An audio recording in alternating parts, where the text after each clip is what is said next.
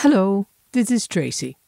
Onze luisteraars kunnen de tiende Architectuurbiennale Rotterdam It's About Time, The Architecture of Change, nog tot en met 13 november met korting bezoeken. Voor meer informatie ga naar iabr.nl. Dat is iabr.nl. Dit is de architectuur van verandering. De politiek om uiteindelijk dat project te realiseren. De belangen van opdrachtgever, gebruikers en programmatische invulling ervan. En dat integreren tot een gebouw, tot een, een verandering eigenlijk. En dat maakt het voor mij heel erg interessant. Wij hamen er ook altijd op dat wij vooral meer ontwerpers zijn en sociaal werkers. Dus wij zijn wel voorzichtig met dat soort terminologie. En ja, liever praten wij dus in termen van uh, gemeenschapsopbouwers. Dat zijn de stemmen van onze gasten, Rinske Wikkerink en Melle Smets. Vandaag in De Architectuur van Verandering. Mijn naam is Tracy Metz. Ik ben journalist en podcastmaker. Dit is de tweede van drie podcasts die onderdeel zijn van de programmering rond de tiende Internationale Architectuur Biennale Rotterdam, de IABR. En de IABR richt zich op de toekomst van de stad. In deze drie podcasts maken we een tijdreis van 100 jaar door de bril van het ruimtelijk ontwerp. In deze tweede aflevering richten we ons zoeklicht, samen met onze gasten, op de architectuur van de toekomst en wat die vermag. Mijn co-host en tafelheer vandaag is Dirk Loorbach. Dirk, jij bent hoogleraar Sociaal-Economische Transities aan DRIFT, het Centrum voor Onderzoek naar Transities aan de Erasmus Universiteit in Rotterdam. En jij bent een van de vier curatoren van het IABR. Hallo Dirk. Hallo Tracy. Hey. Waar gaat jouw inbreng in de IABR over, Dirk? Met de tentoonstelling kijken we eigenlijk terug in de tijd om uh, te onderzoeken waarom het nou zo lang duurt om tot grote systeemveranderingen te komen. Uh, en er zijn heel veel redenen in het verleden waarom dat niet kwam. Er was altijd wel een andere crisis uh, belangrijker of een ander belang belangrijker. Maar en omdat we dat gewoon heel moeilijk vinden, Dirk, als mens. Nou ja, dat is dus het mooie. Je ziet tegelijkertijd dat er in het verleden ontzettend veel voorbeelden zijn van uh, hoe het ook anders kan. Dus die mogelijkheden die zijn er wel degelijk. Uh, maar inderdaad is het ook lastig. En heel veel mensen willen niet. En er, het is eng. Het is eng. Uh, ja, en wat we eigenlijk doen is de conclusie uh, die we trekken vanuit die historische tijdlijn, is dat we nu in een uh, transitiemoment terechtkomen waarbij die grote existentiële problemen steeds meer korte termijn uh, problemen worden die ook gevoeld worden. En dat die, um, het bewustzijn daarover enorm gegroeid is. Maar ook dat de mogelijkheden om het echt radicaal anders te gaan doen er ook zijn. En daarmee creëren we eigenlijk binnen de tentoonstelling um, een ruimte, we noemen het transitiearena, om anders over de toekomst die we willen na te gaan denken. Nou, leuk dat dat een arena heet, want arena is een plek waar strijd wordt uitgevochten. Ja, um, en, en het is in zekere zin ook strijd. Hè. Je zei, oh, het is, het is eng, het is lastig, maar er zijn ook allerlei gevestigde belangen en routines die uh, gewenste verandering tegenhouden. Um, en deels ook gewoon een mentale blokkade, dat we het ons bijna niet voor kunnen stellen dat we uh, er anders uit gaan komen dan via een crisis of een uh, grote ineenstorting.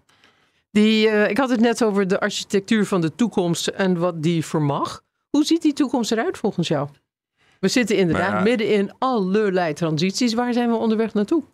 Nou ja, die transitie zien wij dus vooral als, als een, een proces waarin we uit evenwicht raken. Dus hè, de, de koers die de Club van Rome ook uh, schetste, uh, eigenlijk richting de afgrond, daar, daar hebben we ons redelijk goed aan gehouden. um, dus we zitten nog op koers. Uh, maar het interessante van dat transitiemoment is dat we eigenlijk uit dat pad geduwd worden. Um, en eigenlijk de enige toekomst die niet voorstelbaar is, is business as usual. Um, en dat, dus uh, je, uh, het is, valt eigenlijk onmogelijk te zeggen welke toekomst we krijgen. Dus dan wordt de vraag veel belangrijker welke toekomst we willen en welke mogelijk is. En uh, ja, daar speelt de architectuurontwerp in bredere zin een hele belangrijke rol in. En zouden ja, we maatschappelijk zijn, zijn we zo gewend geraakt aan het geleidelijk verbeteren van het bestaande. Ja, dat kan niet meer. Dus we hebben een soort maatschappelijke ontwerpsprong nodig om uh, naar een toekomst te komen waarbij de economie goed is voor natuur en mensen. Dus eigenlijk positief. Nou, in plaats van minder negatief. Minder negatief, ja, dat is een beetje zuinig, hè? daar doen we het niet nou voor. Ja, dat is wel wat er nu maatschappelijk de hele tijd gebeurt natuurlijk. We moeten CO2 besparen, het moet minder. Dus er hangt een hele negatieve lading aan. En we blijven eigenlijk het bestaande de hele tijd uh, herbevestigen. En je zei dat de architectuur dat spad voor ons kan effenen. Nou ja, dat is een vraag. want de architectuur is natuurlijk ook uh, onderdeel van het probleem. Um, in, in zekere zin. Hè, heeft meegeholpen aan het bouwen van een fossiele lineaire economie. Um, dus er zit ook iets in uh, uh, hoe de architect ontwerper tot oplossingen komt. Of misschien wel waar de opdracht voor de architect ontwerper vandaan komt. Um, traditioneel komt die toch ook vaak vanuit partijen met geld en, en belangen. en een verbeterwens vanuit het bestaande. Um, en architecten, ontwerpers kunnen ook de meest fantastische alternatieven bedenken, maar daar is dan vaak geen opdrachtgever voor. En ja, de stelling die wij nu hebben is dat die opdrachtgever er langzamerhand steeds meer is, omdat het in ons aller belang is, ook degene met geld en macht, om het echt anders te gaan doen. Is die opdrachtgever er of zeg je eigenlijk hij zou er moeten zijn? Um, er komen steeds meer opdrachtgevers. Wat we in die transitiearena ook proberen is om een, een, een nieuw soort opdrachtgeverschap uh, te onderzoeken. Eigenlijk een opdrachtgeverschap vanuit de toekomst die we willen. En heel veel opdrachtgevers in de concrete zin, uh, uh, partij vanuit de overheid of marktpartij of, of, investeerders, die weten nog niet zo goed hoe ze zo'n toekomstopdracht zouden moeten geven of formuleren of hoe die rendabel te maken is. Dat brengt ons bij onze gasten van vandaag. Dat is om te beginnen Rinske Wikkering. Hallo Rinske. Hallo Tracy. Hi. Je bent architect en je werkt sinds een jaar of elf bij Kraaivanger. Dus een van de grote bureaus van Nederland. Dat zich toelegt op innovatieve werk- en leeromgeving. Je houdt je bezig met duurzaam bouwen en je hebt een voorliefde voor onderwijsgebouwen. Heel sympathiek. Dirk Lorbach heeft jou hier gevraagd in de rol van versneller. Als Rinske de versneller is, dan is kunstenaar Melle Smets de activist.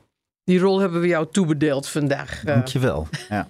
je zet je in om mensen te betrekken bij hun eigen leefomgeving. Zoals je nu met het Huis van de Toekomst doet in de Rotterdamse wijk Bospolder Tussendijken, BOTU. Zowel Rinske als Melle laten hun ideeën zien op de tentoonstelling van de IABR. Hallo Melle. Hallo Tracy. Rinske Krijvanger werkt nu aan een grote waterstoffabriek op de Maasvlakte. Waterstof is natuurlijk een van de belangrijke energiedragers van de toekomst. Heeft het gebouw zelf ook straks toekomstwaarde? Ja, zeker. Zeker heeft het dat. Wij ontwerpen de waterstoffabriek met de ambitie om een gebouw te ontwerpen dat een positieve impact heeft op zijn omgeving. Dus niet, eh, zoals Dirk zei, niet alleen minder negatief. Nee, maar nee, echt positief. Dus een positieve bijdrage heeft aan de biodiversiteit. En waar de lucht schoner uitkomt dan dat hij erin gaat. Het water schoner uitkomt dan dat het erin gaat.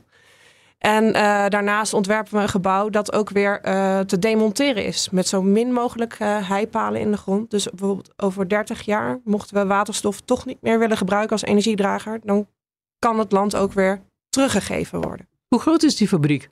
Alles op de Maasvlakte is enorm. Enorm. Ja, we ja. hebben geprobeerd uh, de footprint van het gebouw zo klein mogelijk te houden, ook fysiek. Dus een compact mogelijk ruimtelijke impact te maken. Maar het is natuurlijk nog steeds enorm.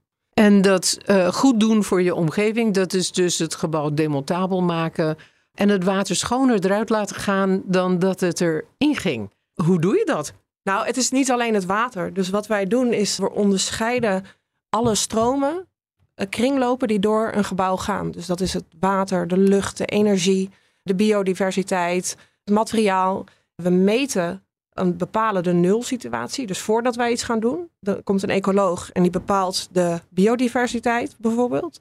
We meten hoeveel energie gaat er in dat gebouw. Waar komen al die materialen vandaan? Wat is de impact daarvan? En dan bepalen we wat we aan het eind van de rit moeten doen om te zorgen dat de impact van dat gebouw positief is en hoe we daar komen in welke stappen. En hoe anders is dat Rinske dan hoe we hiervoor werkten? Hoe we hiervoor werkten was gefragmenteerder. Dus het is vaak op één aspect. Dus kunnen we een gebouw maken met een hele kleine CO2 afdruk? Of kunnen we een gebouw maken dat een energie-neutraal is? Dat zegt alleen nog niks over de biodiversiteit bijvoorbeeld. Kunnen we een gebouw maken uit circulaire materialen? Ja, dat kan, maar zegt weer niks over het energiegebruik. Dus het is niet een holistische kijk. Ja, wat ik interessant hier, hier aan vind, is jullie maken dus een integraal eh, concept. Uh, zijn jullie hier nou zelf meegekomen of was dit een vorm van nieuw opdrachtgeverschap? Werd dit gevraagd? Dit werd niet gevraagd. Dus wat, er, wat ons voornamelijk gevraagd wordt, is vanuit overheden vaak kunnen we uh, energie-neutraal bouwen of gewoon bouwbesluit. Dat was niet eens energie-neutraal, geloof ik. Kunnen we een zoveel mogelijk circulair gebouw maken? Niet heel erg meetbaar. Kunnen we een klimaatadaptief gebouw maken? Ook niet heel erg meetbaar. Uh, andere opdrachtgevers vragen wel eens om een gebouw dat een duurzaamheidscertificaat heeft, bijvoorbeeld een BREEAM-certificaat. Maar al die vragen zijn allemaal methodes om het minder slecht te doen, niet fundamenteel goed. En wij vinden dat ja, gebouwen die in 2050 nog staan, dat zijn de gebouwen die we nu ontwerpen. Die moeten ook voldoen aan de eisen die wij in 2050 of 2072 aan een gebouw gaan stellen. In die radicale toekomst van Dirk Loorbach. Ja. precies. Nou ja. Maar het dus die, nog die wel... is dus al nu eh, gaande. Dus, dus dat, we bouwen nu die toekomst. En wat ik het mooi vind aan dit voorbeeld is... Uh, het is jammer dat het alleen maar uit intrinsieke motivatie moet komen. Maar het is wel uh, dat valt sowieso te prijzen. Maar het is wel een, voorbeeld van als je de ambitie veel hoger legt. We moeten namelijk aan herstel werken en aan een positieve impact. Dan komt er ook een heel ander soort uh, innovatie los. En waar ik wel benieuwd naar ben, is wat, wat komen jullie dan tegen? Want je wil eigenlijk iets doen wat nog niet helemaal kan. Ja, en op alle vlakken tegelijk. Ja, nou ja, we komen in, op alle vlakken interessante dingen tegen. Dus enerzijds komen we wel opdrachtgevers tegen die dit willen. En die komen vaak uit juist die uh, nieuwe industrieën die nodig zijn voor de transitie. Dus bijvoorbeeld een waterstoffabriek. Of een kweekvleesbedrijf. Of uh, dus bedrijven die daarmee bezig zijn. En dat maakt het ook wel interessant, want het is bouwen voor die toekomst. En wat gaan we dan bouwen? En hoe gaan we niet dezelfde fouten maken als we in het verleden hebben gemaakt? Wat voor impact hebben die gebouwen? En daarnaast is het heel praktisch. Dus om dit te kunnen doen, hebben we de hele keten nodig. Dus dat betekent de leveranciers, maar ook waar de leveranciers weer hun materiaal en grondstoffen vandaan halen. En daar hebben we natuurlijk niet altijd invloed op. Dus uh, simpelweg uh, een lift of een luchtbehandelingskast met een regelsysteem ja, dat is niet een uh, bio-based of 100% recyclebaar ingrediënt van een gebouw. Dus wat we dan moeten doen is compenseren. En ook dat is al, nog niet altijd eenvoudig. Dus dat leren we op dit moment. Dus we zoeken projecten, uh, waterzuiveringsprojecten, eh, CO2-opslag in, in bebossing of het vruchtbaar maken van stukken woestijnprojecten waarbij aansluiten. Maar ook ja, dat is, dat is iets dat is in ontwikkeling. Dus niet iets wat op dit moment allemaal kan. Rinske, jullie kwamen met een enorme ambitie voor deze waterstoffabriek, waar de opdrachtgever niet om had gevraagd. Hoe reageerde die? Ja, nou sterker nog, ik uh, denk dat wij geselecteerd zijn omdat we met die ambitie kwamen. En uh, het is een gezamenlijke, constante zoektocht uh, om die ambitie zo ver mogelijk waar te maken, waar we allebei achter staan. Dus dat is heel mooi. Ja, en het is, het is een mooie illustratie van waar, waar we in bredere zin naartoe moeten. We moeten de ambitie veel hoger leggen. En dan vervolgens accepteren dat we in dat proces nog moeten ontdekken hoe het precies vorm krijgt. Um, je zei eerder iets, ook iets interessants, dat er in de huidige uh, situatie in de reguliere markt, zeg maar, allerlei certificaten, keurmerken en, en klimaatneutrale doelstellingen zijn, die vaak nauwelijks onderbouwd zijn of moeilijk hard te maken. Terwijl jullie volgens mij heel erg data gedreven zijn en juist proberen dat heel erg hard te maken. Kan je daar iets over zeggen? Ja, wij proberen dat heel erg meetbaar te maken. Ook omdat we dat, denken dat dat de enige manier is om, er, om uiteindelijk dat ook te bereiken of uh, duidelijk met elkaar af te spreken. Wat is dan goed genoeg? Maar dat is heel lastig. Dus het voorbeeld wat ik net gaf. Je hebt een leverancier nodig, die haalt ergens grondstoffen vandaan ja, je, je kan niet alles als architect onder controle houden. Je hebt een hele keten nodig die mee verandert. Maar dat betekent niet dat wij iedere dag niet werken aan die verandering. Bijvoorbeeld door uh, samen met leveranciers een circulaire tegellijm te ontwikkelen. Ja, dat klinkt heel klein en simpel, maar daar gaat het ook over. Hoe maak je die tegel vast aan de wand? Het, het gaat van heel klein tot gigantisch. Dus daar, ja, dat is iets waar we elke dag mee bezig zijn. Uh, Tracy zei al eerder, wij, wij noemen jullie de versneller uh, vanuit onze tentoonstelling. Omdat we uh, zien dat er een bepaald soort architectuur is. Wat heel erg op deze manier vanuit data en vanuit een soort positieve ambitie een proces ingaat. Van waaruit ook de hele markt en ketens mee getrokken worden. Um, je zei zelf al, dat gaat bijna te ver om dat als architecten allemaal te gaan doen. Waar, waar houdt het op dan? Goeie vraag. Ja, dat is uh, nou wat ik heel erg leuk vind van het vak architect, is dat, je, uh, dat het over zoveel aspecten en belangen gaat. Dus het is het esthetische, als het technische, als de, ja, de maatschappelijke en stedenbouwkundige context, maar ook de politiek om uiteindelijk dat project te realiseren. De belangen van opdrachtgever, gebruikers en programmatische invulling ervan. Het is zo veelzijdig. En dat allemaal integreren tot een gebouw, tot een, een verandering eigenlijk dat is ook wel je rol als architect. En dat maakt het voor mij heel erg interessant. Ik ben wel benieuwd straks als de fabriek af is wat de rol van de esthetiek is geweest in een fabrieksgebouw op de Maasvlakte. Maar uh, dat gaan we zien. Wanneer is het af? Uh, ja, dat gaat nog even duren. Dus dat, uh, dat zal nog wel. Hou ons op de hoogte. Ja, en het leuke is, je kunt het straks ook bekijken in een soort ehm, visitor tour. waar dan iets te leren valt over de transitie naar waterstof als energiedrager. Ik kom bij jou, Melle. Jij hebt in Rotterdam het Huis van de Toekomst opgezet. Wat is dat? Wat gebeurt daar? De titel zegt het al. Hè? We werken daar aan uh, het Huis van de Toekomst. Uh, en dat moet je niet alleen als een woning interpreteren, maar meer ook het gemeenschapshuis van de toekomst. Hè? Dus hoe uh, geven we de gemeenschap vorm? En dus het gaat die... vooral om de sociale kant van de toekomst. Ja, want, eh, want uh, in bijvoorbeeld de energietransitie worden we eens vergeten waarvoor we dit eigenlijk allemaal aan het doen zijn. En dat zie je in bijvoorbeeld de wijk waar dit, het Huis van de Toekomst staat, het Bospolder Tussendijken. Is, ja, daar wonen heel veel mensen, 14.000 op één vierkante kilometer. Dat is dus een zeer dichtbevolkte wijk in, in Nederland. En als je ziet wat zo'n energietransitie, zo'n technische energietransitie veroorzaakt in dit soort buurten, dan uh, dat, ja, dat is best schijnend hè, over hoe de olifant daar door de porseleinkast gaat. En dat raakt eigenlijk de kern van een hele belangrijke vraag. We hebben het altijd over het aanbod. Hè? Uh, wat, hoe gaan we verder groeien? Hoe gaan we dingen meer maken? Hè? Hoe gaan we uh, dingen schaalbaar krijgen? Dat is, dat is eigenlijk de mantra. En wij stellen eigenlijk de vraag andersom. Uh, wat hebben we eigenlijk nodig? En wanneer kun je een gezonde, moderne samenleving hebben vanuit de vraag in plaats van vanuit het aanbod? Wanneer is het genoeg? Het Huis van de Toekomst is een buurthuis. dat buurthuis is dus letterlijk een buurthuis waar mensen uit de buurt samenkomen. En daar stellen we eigenlijk die vraag constant. En dat doen we niet door het debat en, en, en in woord dat uh, te doen of in rapporten. Maar we doen de hele dingen. We kaarten hele eenvoudige dingen aan, zoals uh, in deze buurt hebben mensen naar Rato heel veel tapijten thuis. En die willen ze ook heel vaak wassen elk jaar dat kan niet in je badkamer van twee vierkante meter. Dus waar doe je dat dan? Nou ja, en dan komen we erachter dat gaat allemaal naar een chemisch fabriekje in Den Haag. Uh, een tapijtenwasfabriekje. Nou ja, dat is inmiddels heel duur geworden om die tapijten daar helemaal heen te brengen. Dus waarom bouwen we niet een wasplaats waar je zelf je tapijt wast en wat ook weer tegelijkertijd een sociale ontmoetingsplek wordt. Dus we bouwen uh, steeds aan voorstellen voor gemeenschapsplekken die tegelijkertijd een energiehub zijn, hè, waarbij je samen energie bespaart, samen energie produceert en ook een sociale energie genereert die, die uh, zeker in, in de huidige tijd uh, ja, heel schaars zijn. En door die dingen allemaal steeds te combineren, proberen we dus een soort gemeen, gemeenschapsvorming te doen. Uh, maar die daarmee dus ook proposities doet voor een energietransitie die dus ja, sociaal is.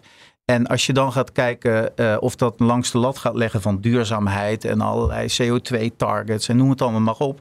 Dan, dan zie je ook nog eens een keer dat door daarin te investeren kun je veel sneller, in vele grotere stappen, veel meer uh, reducties bijvoorbeeld uh, bereiken. Dan weer een heel nieuw systeem op te tuigen. Hè, wat, wat eigenlijk nu gebeurt. Nou, en als je dat naast elkaar legt, hè, ik, ik, weet niet precies, ik ben heel slecht in cijfers, maar volgens mij een slordige half miljard wordt er gestoken in uh, een heel nieuw netwerk te bouwen, een warmtenet. Uh, en als je dan ziet, ja, ik geloof dat het 8 ton euro is wat er in sociale uh, budgetjes nu de wijk invloeit om allerlei buurtinitiatieven te ondersteunen. Nou, dat contrast, hè, dan kun je je echt wel afvragen, waar zijn we mee bezig? Nou, en die, stel, die vraag stellen wij ons bij het Huis van de Toekomst. Het mooie uh, van, van, dit voorbeeld vind ik het radicale zit hem erin dat je eigenlijk zegt: ik vertrek vanuit de vraag en de gemeenschap. In de tentoonstelling noemen we dat de activist. Daar hebben sommige mensen het beeld bij van dat zijn mensen die zich vastketenen. We noemen dat activist omdat er veel architecten zijn die uh, zich verbinden aan de gemeenschap, de commons. En van daaruit proberen die nieuwe toekomst vorm te geven. Herken je je wel in die stijl? Is het ook. Zeker. En, en daar zit dus ook een, een idee in dat je die commons ook activeert als een soort tegenkracht tegen uh, het systeem of de structuren die we nu hebben. Voilà. En daar worden wij dus vaak als activisten ook uh, benaderd. Of wordt ook gevraagd van, jullie zijn toch geen activisten, hè? Uh, daarmee is er ook een excuus om verder ja, de dialoog te stoppen. Hè? Want uh, ja, die zijn onbetrouwbaar als partij. En daar kun je, ja, die, dan kan het in je gezicht ontploffen. Nou, vanuit een soort uh, risk assessment uh, zullen bij heel veel grote organisaties denken van ja, waarom zouden we? Dus wij hameren er ook altijd op dat wij vooral meer ontwerpers zijn en, uh, en sociaal werkers en af en toe kunstenaar. Hoewel zelfs dat ook al een link is uh, om, uh, om dat te zeggen. Want dat is ook dat een beetje verdacht. Ja, dat is ook verdacht. Want ja, die, die types die staan te laat op en zitten aan je kinderen. dus dus dat, die wil je ook niet in je, in je huis hebben. Dus, dus het is een soort... dus wij zijn wel voorzichtig met dat soort terminologie. En ja, liever ja, praten wij dus in termen van gemeenschapsopbouwers. Hè? En ja, dat proberen we ook constructief te doen. En hoe krijg je mensen naar de buurthuis toe? Nou ja, wat ik net al uit probeer te leggen is dat we uh, dingen doen. Dus, dus we gaan het bijvoorbeeld over de was hebben. En dat, daar herkennen mensen zich in van, oh ja, dat is mijn probleem ook. En, en door er een leuke middag van te maken, uh, waarbij we ook zeep maken of uh, uh, nou ja, het voordoen. En als ik het voordoe, doe ik het natuurlijk verkeerd voor. Dus dan nemen mensen het al gauw over. Van nee, dat doe je, doe je niet goed. En omdat het ook een, een multiculturele wijk is, zijn er ook heel veel ideeën over hoe je de was doet en wat daarvoor nodig is. Dus vaak leidt dat meteen tot een soort bedweterigheid, ideeënuitwisseling. En daarmee kom je uh, vrij ongemerkt op vrij ook ja, fundamentele vraagstukken uit. Van ja, waarom hebben we niet deze plek? En waarom komen we niet meer bij elkaar bij een wasplaats? En uh, hoe is het individuele huishouden voor jou? Hè? En welke uitdagingen zijn erbij? Dus je komt eigenlijk achter de voordeur. Wat voor grote uh, bedrijven of voor een overheid best wel een uitdaging is om, om Hè, om, om het echte verhaal te horen. En dit, dit is wel, zeg maar, je, je refereert een paar keer aan de overheid of, of aan grotere partijen. Um, wat, je, wat je beschrijft, in de wetenschap noemen we dat actieonderzoek. Het is voor een deel ook waarom we het activist hebben genoemd, omdat het heel erg gaat over het doen. En de grote parallel tussen jullie beide verhalen is dat je vanuit een soort radicale visie en, en systeemkritiek van we moeten, kunnen niet doorhobbelen, maar we, we hebben iets heel anders nodig, gewoon aan de slag gaat. En dan uh, dus allerlei dingen tegenkomt. En dat is eigenlijk het transitieproces wat we willen maken.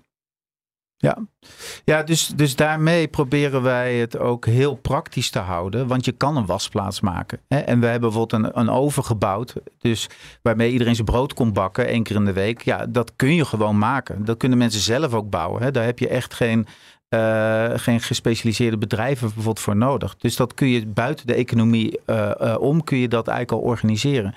En dat geeft mensen die die dus uh, niet meedoen, uh, ineens heel veel uh, perspectief. Want de kennis zit vaak in de handen en in de hoofden van mensen die dat zelf van huis uit hebben meegekregen. Maar ja, dan kom je in, in Noordwest-Europa terecht en ineens is al die kennis niks meer waard. Hè? Want je mag geen vuurtje stoken, je mag niet buiten in de grote je was gaan doen. Dat is allemaal ja, geïndividualiseerd in systemen en, ja, en die nemen dat eigenlijk over. En, en hoe kijk je dan naar? Want uh, dit, dit, de beeld, in de beeldvorming is dit vaak heel erg sociaal, bottom-up en, en low-tech. Low hoe kijk je dan naar de rol van, van technologie hier überhaupt in? Moeten we dan allemaal terug naar, naar, naar vuurtjes stoken? Of is er ook een rol voor de nieuwe technologie? Ja, ik denk, ik denk wat vooral ontbreekt is dus een, een, een debat of een, uh, een dialoog, of hoe je het ook wil noemen, over hoe, in hoeverre uh, accepteren we technologie als een verbetering. Hè? En, en wat verbetert die nou precies? Dat is een gesprek wat nooit onderdeel is van de agenda. Hè? Zodra je iets bedenkt of uh, iemand iets bedenkt wat weer in hoogteug technologische snufjes, gaan we het zeker doen. We gaan het ja. gewoon proberen, want het is cool. En Uh, en het gesprek voeren over wat, wat zijn de implicaties als we bijvoorbeeld in dit geval een warmtenet in een arme wijk gaan aanleggen. Nou, de die zijn gekoppeld aan de gasprijzen. En uh, uh, ja, die mensen hebben tot 2045 zitten aan een, aan een contract vast. Ja. Waarmee je dus mensen in een situatie drukt waar ze eigenlijk helemaal geen handelingsperspectief hebben. Nou, en... Nou ja, dus je moet eigenlijk eerst zeggen, de, de, de sociale doelstelling formuleren vanuit de commons, zoals het dan genoemd wordt. En dan kijken welke technologie kunnen we hoe inzetten om die doelen te realiseren. Precies.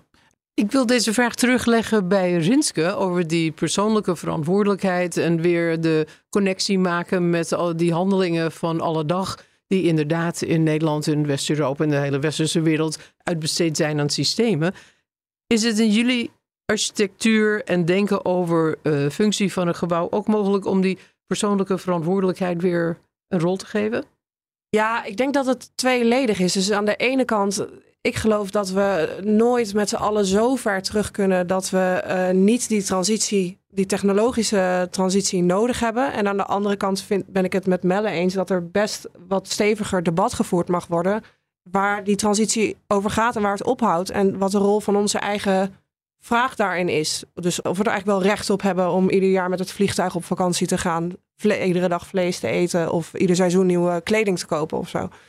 Of bijvoorbeeld altijd maar nieuw te bouwen, meer te bouwen uh, op te schalen.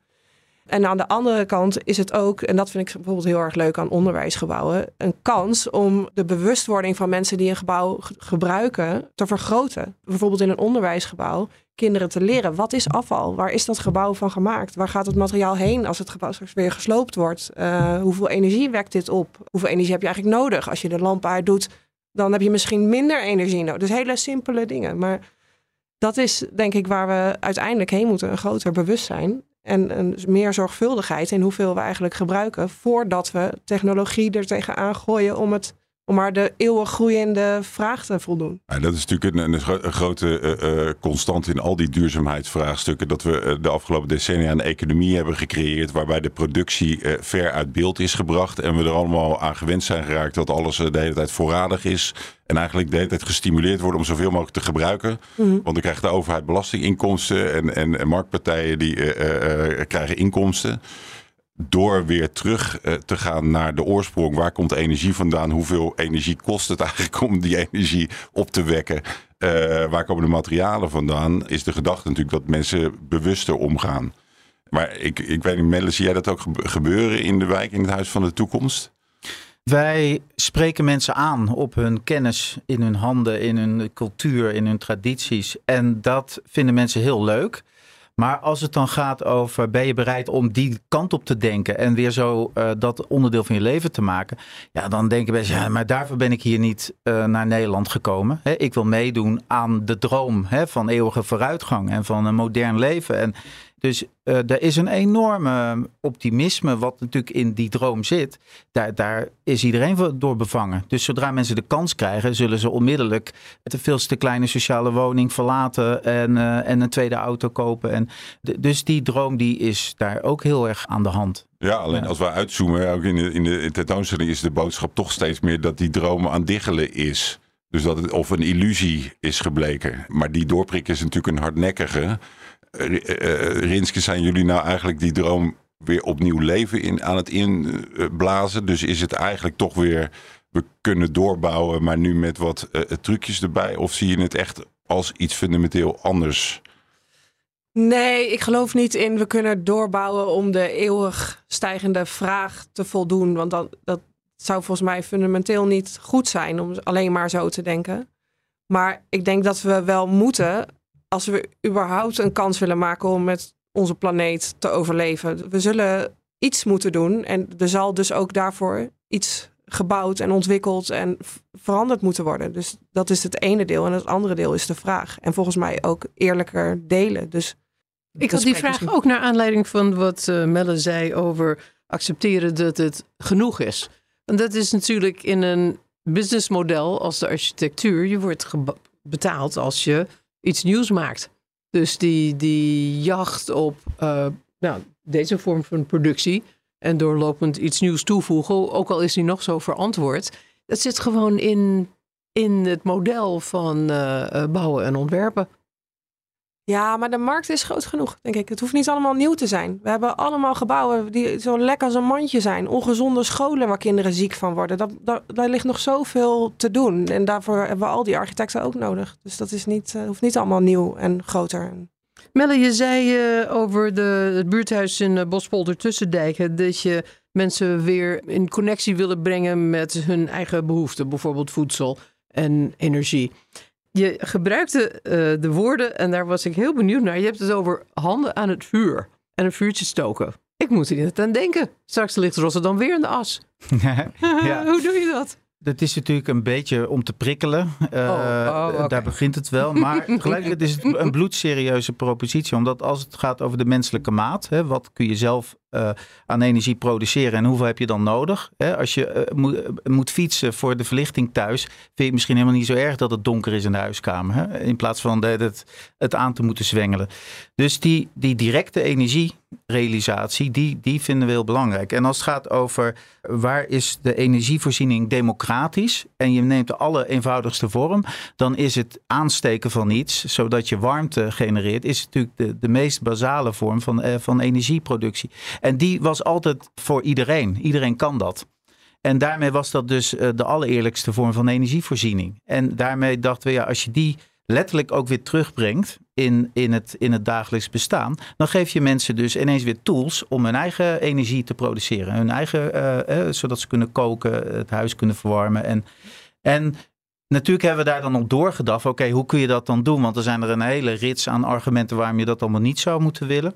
Maar als je kijkt naar een, een goede, ik noem maar wat, een fin-oven. Je hebt allerlei ovensystemen waarbij je een enorme hoge rendement kan halen. En je gaat dat niet in elk huishouden individueel organiseren, maar je doet het voor 5000 uh, uh, mensen in één keer. Dan kun je gigantische ovens bouwen die een heel hoog rendement hebben. En uh, waarbij je dan het naast hè, de balans kan leggen van oké, al die apparaten, al die met een stekker eraan, die nu het vuur hebben vervangen, hè, de, de, de haarfeun, de, wasdroger, nou, noem al die apparaten op, die hebben we niet meer nodig. Nou, omgerekend is dat een, een, een flat uh, vol hè, van, uh, uh, want we hebben het uitgegend, er staan flats in de wijk. Is het een flat elke tien jaar die je eigenlijk aan spullen weggooit, omdat die apparaten stuk gaan. Nou, als je dat allemaal gaat meerekenen en je gaat het vuur niet zien als een soort leuk knapperend haardvuurtje voor erbij, maar als een fundamenteel element om je hele huishouden op te draaien, ja, dan krijg je een hele andere rende, rendementsoverweging. En dan is het helemaal niet zo gek dan, uh, dan is dat echt een serieus te overwegen idee. En welke opdrachtgevers kun je hierbij halen? Dit komt nu vooral van jou uit en vanuit de IABR. Maar uh, what's in it voor een opdrachtgever uh, zoals die van de waterstoffabriek op de Maasvlakte? Hoe krijg je die grote schaal op jouw persoonlijke kleine buurtschaal? Uh, nou, waar wij nu hard aan werken, is kunnen wij naast een programma van eisen, die vaak bouwkundig zijn ingestoken, hè, van we hebben zoveel geld en willen zoveel stenen en zoveel volume, zijn wij nu modellen aan het maken over oké, maar wat als je vanuit een gemeenschapsinfrastructuur denkt, hè, wat heeft een, een, bijvoorbeeld een huizenblok nodig aan gemeenschapsruimte en wat zou dat kunnen zijn?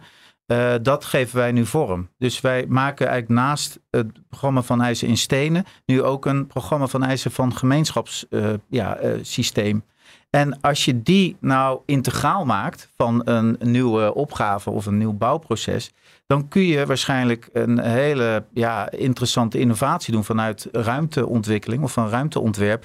Over hoe je met hetzelfde budget op een andere manier uh, uh, uh, je woningbouw vormgeeft. Of in dit geval dan, hè, omdat we in een woonwijk zitten. En vanuit die sociale woningbouw zit ik echt, echt de klapperen mijn oren over hoe in toen deze wijk gebouwd werd, hè, Bospolder en Tussendijk, is eigenlijk een soort showroom van allerlei sociale woningbouwconcepten. Want het was toen net nieuw. Hè. Er was een woningwet in uh, 1901 uh, verzonnen. Dus ineens moest iedereen ja, aan de regelgeving voldoen. Dus die hele wijk zat vol met allemaal experimentjes. Hè, van hoe kun je zoveel mogelijk menskracht op een zo klein mogelijke plek bij elkaar stoppen. En is het ook nog een gezonde leefomgeving. Dus er staan de juweeltjes van hele duurzame concepten. Uh, want, het, want dat is natuurlijk ook nog voor het olietijdperk. Dus het was ook nog eens allemaal op menskracht. Dus dat zijn super duurzame ideeën. Nou, die werden toen heel veel ontwikkeld. En als je kijkt hoe er nu gebouwd wordt voor de sociale woning, ja, dat, dat is dramatisch. Dat is uh, qua ideeën en, en slimmigheid. Schraal. Nou, er ligt een fantastische ontwerpopgave, hè, waarbij je met de nieuwste inzichten van nu uh, radicaal nieuwere ideeën kan uh, realiseren. Dirk, jij hebt Rinske als versneller en Melle als activist uitgenodigd voor IABR. Kun je die ook laten samenwerken? Nou ja, sterker nog, ze moeten samenwerken. Ik hoor wel in het verhaal van Melle ook, ook van het derde type, de ancestor. Die teruggrijpt naar oude praktijken die we verloren zijn geraakt. En die echt op de hele lange termijn kijkt wat we voorbij onszelf en onze volgende generatie nodig hebben. Um, ja, de, de stelling in de tentoonstelling is heel erg dat je die drie krachten bij elkaar nodig hebt vanuit zo'n radicaal toekomstperspectief. Maar als ik jou een beetje ken, dan vermoed ik dat dit jou vast nog lang niet radicaal genoeg is. Um, nou ja, de twee voorbeelden die, die we uh, horen zijn uh, wat mij betreft wel radicaal genoeg. Alleen, uh, nou ja, gelukkig zijn het voorbeelden, want die gebeuren overal. Maar het zou pas echt radicaal zijn als dit de norm zou zijn. Um, en dat bedoelen wij met radicale transities. hoe zorgen we nou dat dit soort dingen die, die al kunnen die uh, gebeuren en die uh, heel duidelijk een proces richting een natuurpositieve of, of sociaal inclusieve toekomst verkennen en, en, en mogelijk maken, dat we die op massale schaal gaan doen. Want het is de enige manier waarop we als samenleving een volhoudbare, duurzame toekomst hebben. En moeten we daarvoor ons eerst volledig in de chaos storten? Want het gaat bij Drift wel heel vaak over hoe goed en nuttig de chaos is om de weg vrij te maken voor nieuwe ontwikkelingen. Maar ik hou me hard vast. Nou ja, kijk, uh, goed en nuttig uh, chaos is, is een uh, tragisch onderdeel van transities. Ik, ik begon hier twintig jaar geleden Mooi. mee. Ja, ik begon er twintig jaar geleden mee vanuit eigenlijk het idee van we zien dit allemaal aankomen. De Club van Rome zag het al aankomen transities in het verleden gingen ook altijd gepaard met maatschappelijke onzekerheid. Een soort oncontroleerbare dynamiek. En dat is natuurlijk voor bestuurders en managers het laatste wat ze willen. Dus die zullen het over chaos hebben. Maar voor mij is het gewoon transitie. Dankjewel, Dirk Loorbach. Jij was mijn tafelheer vandaag bij deze tweede aflevering van de podcast De Architectuur van Verandering van de IABR. En onze gasten waren Rinske Wikkering van Kraaivanger en Melle Smets. Mag ik nog één ding zeggen? Wat ik leuk vind om nog even te vertellen is dat wij een boek uitbrengen 4 november op de Biennale. Het heet Bouwen met een positieve footprint. Het is geschreven door uh, Vincent van der Meulen, mijn collega. En uh, hierin delen we onze lessen en ook de methode, zodat die voor iedereen uh, toegankelijk is en andere architecten en opdrachtgevers daar ook gebruik van kunnen maken. Nou, als ik dan ook nog even wat mag zeggen. Uh, wij hebben vanuit het Huis van de Toekomst een wandeling door zeven generaties heen door de wijk. En tijdens de wandeling ga je eigenlijk drie generaties terug en drie generaties vooruit over hoe die energietransitie op menskracht eruit gezien heeft en hoe die eruit kan gaan zien in de toekomst. De volgende aflevering gaat na het heden en de toekomst. Hoe kan het ook anders over het verleden? Over de ancestor waar Dirk Loorbach het over had. Dit was de tweede podcast van drie van de IAPR. Onze producer is Jonathan Groubert. Ik ben Tracy Metz. Ik dank jullie voor het luisteren en tot de volgende keer.